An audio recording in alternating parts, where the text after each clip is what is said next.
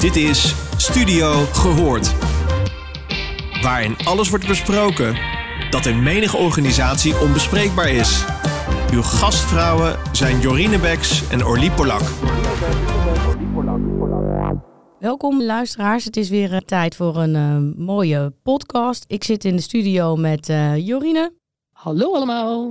en met Paula. Hallo. En dit is Paula Koolthof. Zij werkt als trainer, teamcoach en adviseur. Ze ontwikkelde embodied learning voor leiders en ontwerpt lichaamsgerichte oefeningen bij training, opleiding en leiderschapstrajecten. Paula is auteur van het boek Stevig staan in intense situaties. Balans in je leiderschap met embodied learning. En dat vinden wij heel erg interessant, intense situaties. Helemaal omdat Paula een link legt met psychologische veiligheid. En dat vindt Jorine ook heel leuk. Dus onze eerste, eerste vraag is: hoe belangrijk is psychologische veiligheid in intense situaties? Eh. Paula, ik kan me heel goed voorstellen dat onze luisteraar helemaal niet weet wat een intense situatie is. Zou je dat eh, willen uitleggen?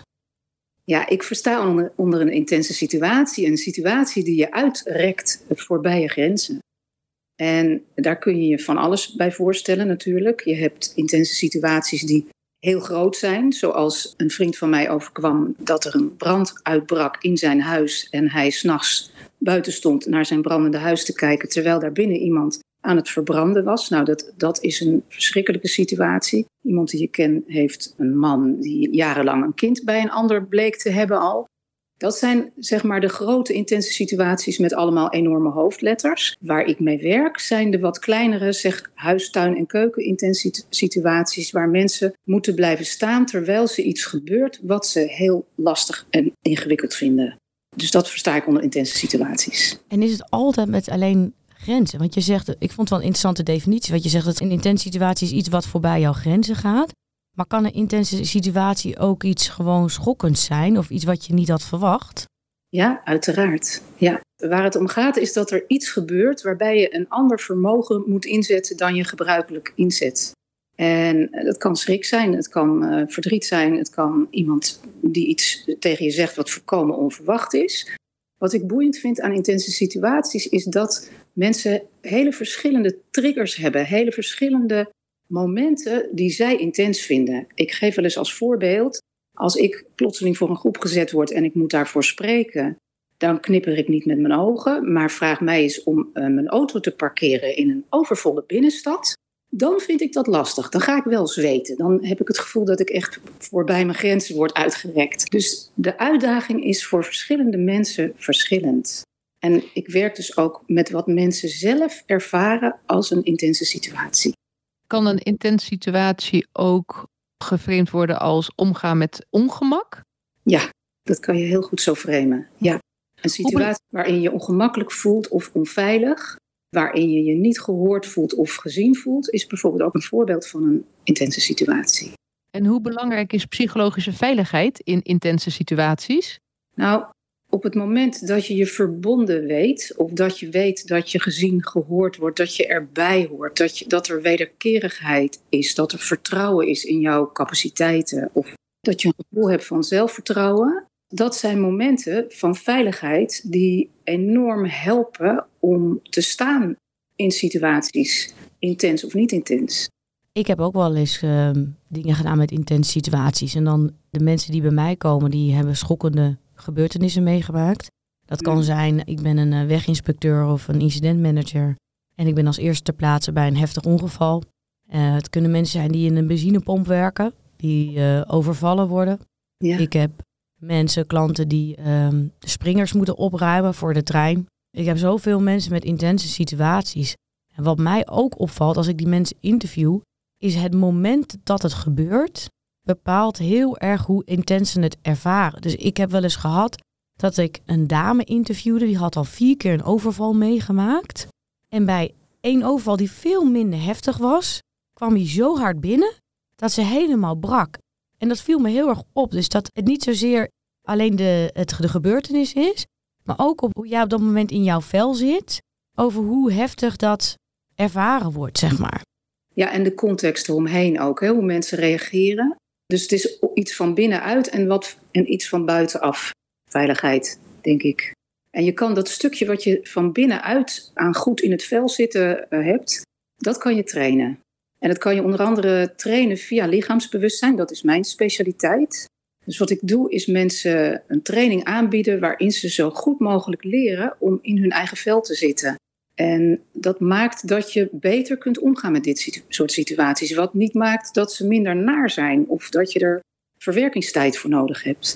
En ik werk niet alleen met trauma-situaties, maar ook gewoon met de, de, de meer eenvoudige situaties als een presentatie geven of een moeilijke boodschap moeten brengen of met een onrustig team samenwerken. Hoe doe je dat? Het klinkt alsof je individueel bezig bent, maar wat je net ook aangaf, je hebt ook te maken met omstanders. Ja, ik train leiders op het moment dat ze niet in die situatie zitten. Dus um, bestuurders, managers, uh, allerlei soorten mensen die bij mij komen en iets leren op wat ze kunnen toepassen in een nog toekomende situatie. En hoe werkt dat door in het team? Ja, als iemand echt goed in zijn vel zit, dat, dat, kennen jullie natuurlijk ook, dan straalt hij iets heel anders uit op een team dan wanneer hij zenuwachtig is of uh, overspannen. Weet je, in die zin is het heel simpel. Hoe, hoe kalmer en hoe evenwichtiger je zelf bent, hoe meer je dat ook overbrengt op je team. En ik denk meteen aan iemand. En werk je ook met. Ja, ik heb, zie wel eens leiders die moeite hebben hun ademhaling onder controle te hebben. Dus dan zijn ze niet nerveus, maar doordat hun ademhaling zeg maar een sprongetje maakt, hoor je het. Waardoor je denkt iemand is heel erg nerveus. En ik denk dan van ja, naar wie stuur je dan zo iemand toe? En hoe nou, krijg je dat onder controle? Ja, ik werk met wat ik noem vier poorten naar uh, meer balans. Eén daarvan is adem, adembewustzijn. En er zijn natuurlijk gewoon oefeningen die al van oudsher gebruikt worden om je adem te stabiliseren. Wat ook werkt, is werken met je lichaamshouding. Uh, simpelweg, als je rechtop aanwezig bent, dan ben je letterlijk ook meer rechtop. Werk met de zintuigen het waarnemen, het heel scherp waarnemen van de situatie. En uh, met wat ik uh, noem ruimtebewustzijn. Dus het besef dat er niet alleen die situatie is op dit moment, maar dat er ook altijd context omheen is. En dat er ja, meer is dan wat jij op dat moment alleen doormaakt. Nu, misschien heb ik het verkeerd geluisterd hoor, maar ik dacht dat je zei dat het ging over vier, hoe noemde je dat? Ook alweer poorten? Vier, uh, vier poorten. En ik had gehoord ademen, lichaamshouding, zintuigen. Ja, die zintuigen is een aparte. Dus lichaamshouding, zintuigen en ruimtebewustzijn. Dat zijn ze alle vier. Ah, ik heb meteen één vraag. Ik denk de hele tijd, het heeft iets te maken ook met zelfvertrouwen wat je zegt. Is dat zo? Ja, het heeft alles te maken met zelfvertrouwen. En zelfvertrouwen woont voor een gedeelte in je lichaam. Het is iets wat je kan trainen via lichaamsbewustzijn. Wat ik gemerkt heb en wat we denk ik ook allemaal kennen, als je bijvoorbeeld een situatie tegemoet gaat met eh, opgetrokken schoudertjes en een voorovergebogen bovenlichaam, dan voel je je heel anders in die situatie dan weer wanneer je dat met een lange rug, doet en uh, rustige schouders en een prettige adem. Het is echt heel basic. Weet je hetzelfde als qua kleren? Met dit idee, nou, ik zie er best goed uit vandaag. Dan sta ik daar ook totaal anders als ik daar sta met het idee, ik nou echt dit aan had moeten trekken. Terwijl ik hetzelfde verhaal vertel, gaat alles ook daarna compleet anders dan ik had gehoopt. Laat ik het even zo voor de grap zeggen. Hè? Ja. we hebben allemaal onze manieren om ons zelfvertrouwen te optimaliseren voor een situatie. Maar ik werk bijvoorbeeld met drie assen in je lichaam die je, die je kunt trainen. Je gevoel van eigenwaarde, dat zit vooral in je lengte. Je talent voor verbinding en contact maken, dat zit vooral meer in een horizontale, zeg maar 360 graden om je heen. En dan met de waarneming dat je je ondersteund kan weten door dat wat er achter je staat. En dan bedoel ik mensen die je support geven, die, je, die jou door je leven heen helpen. En ook gebeurtenissen die je gesterkt hebben. En dat kun je je voorstellen als een as die van achter naar voren door je lichaam loopt dat zijn concrete manieren waarop ik mensen, waarmee ik mensen help om hun zelfvertrouwen te versterken. Wat mooi. En in welke mate is gewoon. Ik heb vroeger uh, aan de leidinggevende wel eens uh, mediatrainingen gegeven. En dan, uh, ja, dan moet je jezelf ook natuurlijk op een bepaalde manier presenteren. En in welke mate neem jij het uiterlijk vertoon mee? We hadden net al een grapje gemaakt over mijn lipgloss.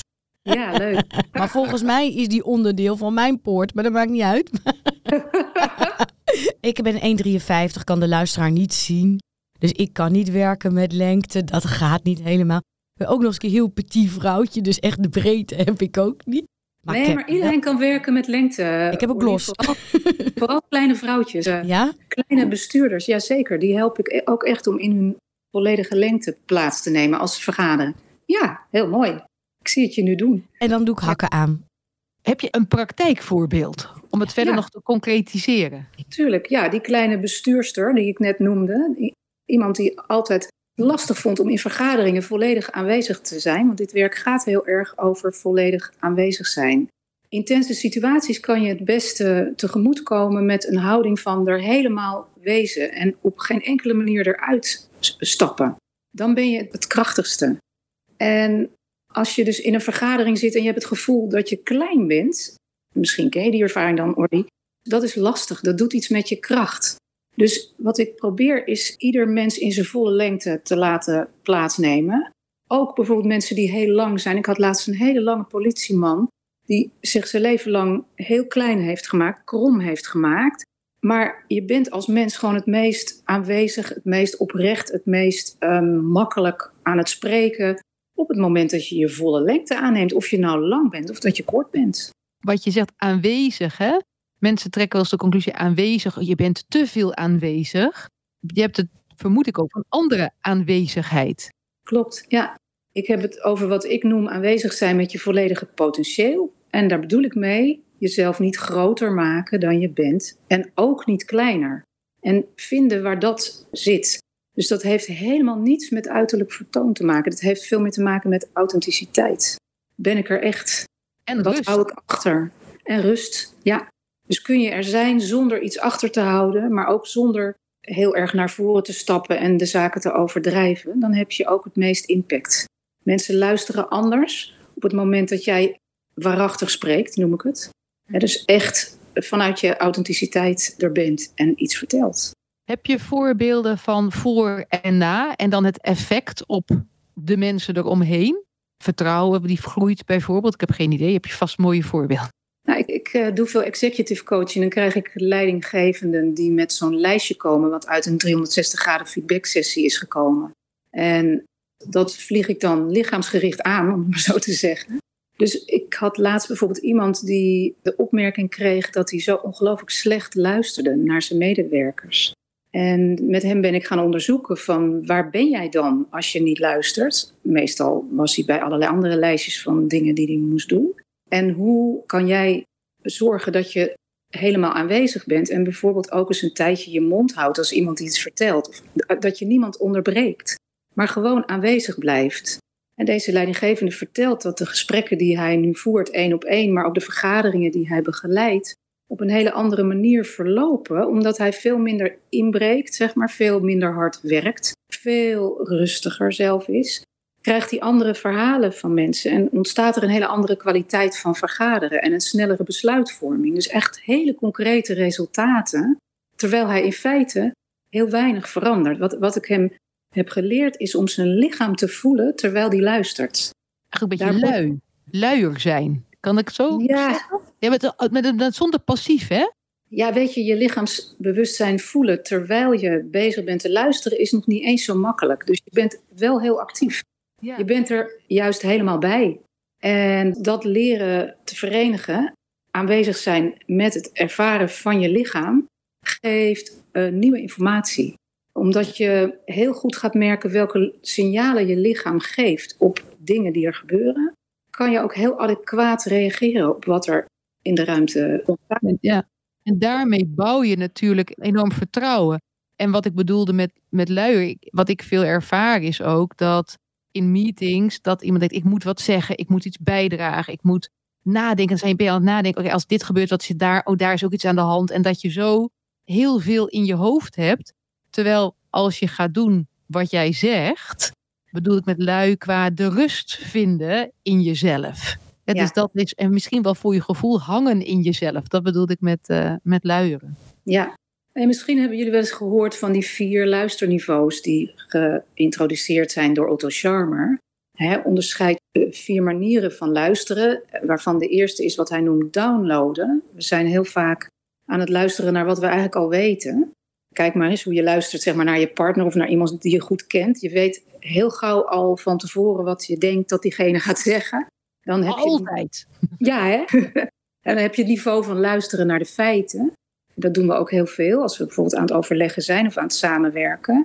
Je hebt empathisch luisteren, dat doe je op het moment dat uh, een goede vriend van je vertelt dat zijn vader is overleden. Dan ga je niet luisteren naar feiten en je gaat ook niet downloaden, maar dan ben je daar. En je hebt nog een veel dieper niveau van luisteren en dat is wat hij noemt generatief luisteren. Een vorm van luisteren die we in organisaties eigenlijk ontzettend veel meer zouden kunnen gebruiken en in samenwerking binnen teams. Want dan ben je op zoek naar wat is hier eigenlijk werkelijk aan het gebeuren? Wat is de potentie binnen de situatie? Hoe zouden we dit ook heel anders kunnen aanvliegen? En dan, dan is, ontstaat er dus een open manier van luisteren waaruit ontzettende hoop creativiteit en innovatie kan voortkomen. En, en volgens mij is je lichaam daar een goede hulp bij. En dat leer jij die executives, hoe je wat je net zei, en leren zij dat dan weer hun team? Ja, soms wel.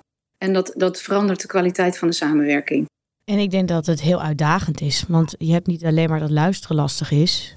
Uh, Jorine zei net al, je zit te wachten in een, in een meeting. Oh, nu moet ik wat zeggen, want dit gaat over mijn belang. Maar wat ik ook merk, is de enorme gehaastheid die mensen gekregen hebben door hun mobiele telefoongebruik. Ja. Een soort anxiety die er is, waardoor het tempo heel hoog ligt. En daar ook eigenlijk niet geluisterd wordt. Want die persoon is en op zijn telefoon bezig, met appjes bezig, zijn e-mails komen binnen. Dus de helft heeft hij niet eens meegekregen. Ik denk dat we niet eens op, op niveau 1 van luisteren vaak zitten bij leidinggevenden. ja, niveau nee. min 1.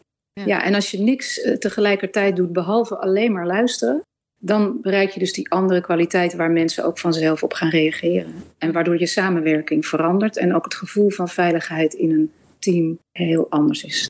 En de kwaliteit, want dit vind ik denk ik ook, hè, voor wat nemen we hieruit mee, uit dit uh, mooie gesprek vol rust, ook wel heel plezierig, is dat door te luisteren de kwaliteit daadwerkelijk omhoog gaat van die besluitvorming, waardoor je dus veel efficiënter en effectiever met elkaar samenwerkt. Terwijl wij vaak denken efficiënt en effectief, met name efficiënt, dat moet snel, is het iets heel anders wat we aan gaan zetten. Ja, interessant is dat. Hè? Ik, ik werkte laatst met een groep uh, leiders binnen de politie. En die zeiden ook, wij kunnen ontzettend goed zenden en we kunnen ontzettend goed met elkaar uh, praten. Maar op het moment dat we ook dat luisteren anders gaan inzetten, ze, ze zijn het al aan het merken. Dan ga je echt anders vergaderen en eigenlijk sneller en efficiënter. Ja, en dan gaan verdwijnen er, vermoed ik, heel veel cirkeltjes, cirkelpraat. Want dat wordt zoveel gedaan. Wat denk Ja, je, hoe zie jij dat? Ja, cirkelpraat, mooi woord. Ja, dan verdwijnt er heel veel bullshit. Kijk, dat is een mooie afsluiter, of niet, eh, Orly? Ja, zeker. Ik denk dat het een enorme uitdaging is. In een tijd waarin we inderdaad gericht zijn op efficiëntie en we last hebben van telefoons en überhaupt last hebben van alles uh, drukt op de agenda. En je kunt je serieus afvragen wat jij doet, Paula. Kan je wel spreken van psychologische veiligheid als we niet naar elkaar luisteren? Ja, mooi. Dankjewel voor deze podcast. Dit Dankjewel, was het nieuws. Paula.